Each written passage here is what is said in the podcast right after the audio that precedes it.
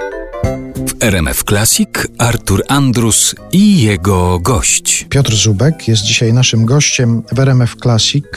Spotkaliśmy się z okazji debiutanckiej płyty pana Piotra, Moja Wycinanka, inne piosenki Jerzego Wasowskiego.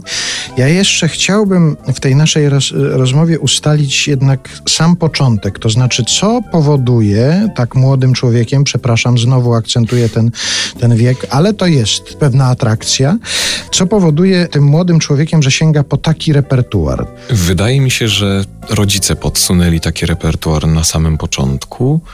Aczkolwiek ja bardzo szybko podłapałem, bardzo szybko sam zacząłem się interesować taką muzyką.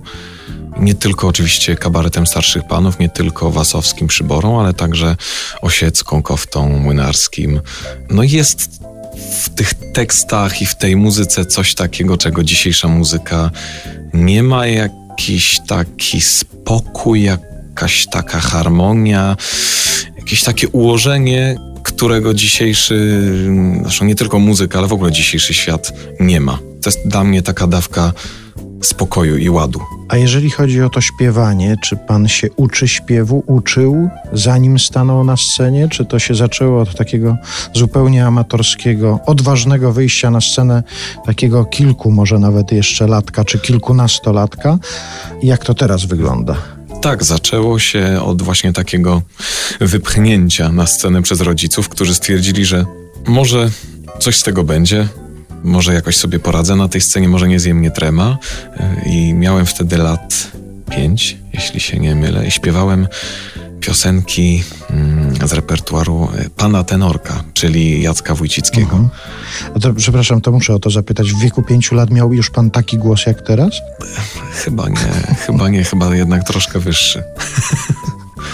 To były takie pierwsze kroki. Potem na pewno był program od przedszkola do Opola. Jakoś tak wyszło, że potem zajęcia wokalne, jedne, drugie, trzecie, piąte, dziesiąte, e, a potem szkoła muzyczna, wydział wokalny-estradowy, który skończyłem w zeszłym roku i wydział jazzu, na którym jestem na roku trzecim przybednarskiej, to znaczy teraz przy Połczyńskiej, ale, mhm. ale szkoła przybednarskiej. I to jest specjalność...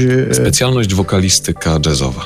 Czy to jest popularny kierunek wśród młodych ludzi? Jest wielu takich, którzy chcą śpiewać jazz teraz w Polsce? Nie jestem pewien, czy wielu chciałoby śpiewać jazz. Wiem, że wielu chciałoby się uczyć e, śpiewać, a nie za bardzo ma inną możliwość. No bo nie funkcjonuje w Polsce coś takiego jak nauka śpiewania piosenek alternatywnych, rockowych, Mhm. Tylko jeżeli ktoś chce się nauczyć śpiewać, to musi się wybrać, szczególnie jeśli chodzi o studia na wokalistykę jazzową, bo nic innego nasz system y, nie oferuje. No jeszcze śpiew klasyczny. Śpiew pewnie, klasyczny, tak? no tak, ale to zupełnie się rozmija ze śpiewaniem rozrywkowym. Ale ta szkoła, o której pan wspomniał, w której pan teraz się uczy, czyli Bednarska, no to słynny adres, e, słynne hasło, cały gwiazdozbiór nauczycieli, bo to przecież gwiazdy Oczywiście. polskiego jazzu. I tutaj też zdaje się nauczyciel z panem gra, prawda? E, zgadza się. Zarówno Bogdan Hołowniak, jak i Kazimierz Jonkisz są wykładowcami u nas w szkole. Wprawdzie ani z jednym, ani z drugim zajęć nie mam, no ale mijamy się na korytarzu i stąd też e, wynika to, że, że mnie słyszeli, chociażby na egzaminach. A ta współpraca, o której pan mi wspomniał e, w rozmowie telefonicznej, kiedy się umawialiśmy na rozmowę, czyli że gdzieś pan tam występuje z Andrzejem Jagodzińskim, to jest kwestia jego zaproszenia do tego koncertu? To, to była tak, to była nietypowa akcja. Andrzej Jagodziński miał pojawić się w Giżycku. Otwieraliśmy salę koncertową. Pani dyrektor szkoły muzycznej, przy której ta sala koncertowa funkcjonuje, powiedziała, że oczywiście trio Andrzeja Jagodzińskiego, ale ona bardzo chciałaby mnie posłuchać. Czyli po prostu został pan zaproszony, dokoptowany do, do trio Andrzeja Jagodzińskiego.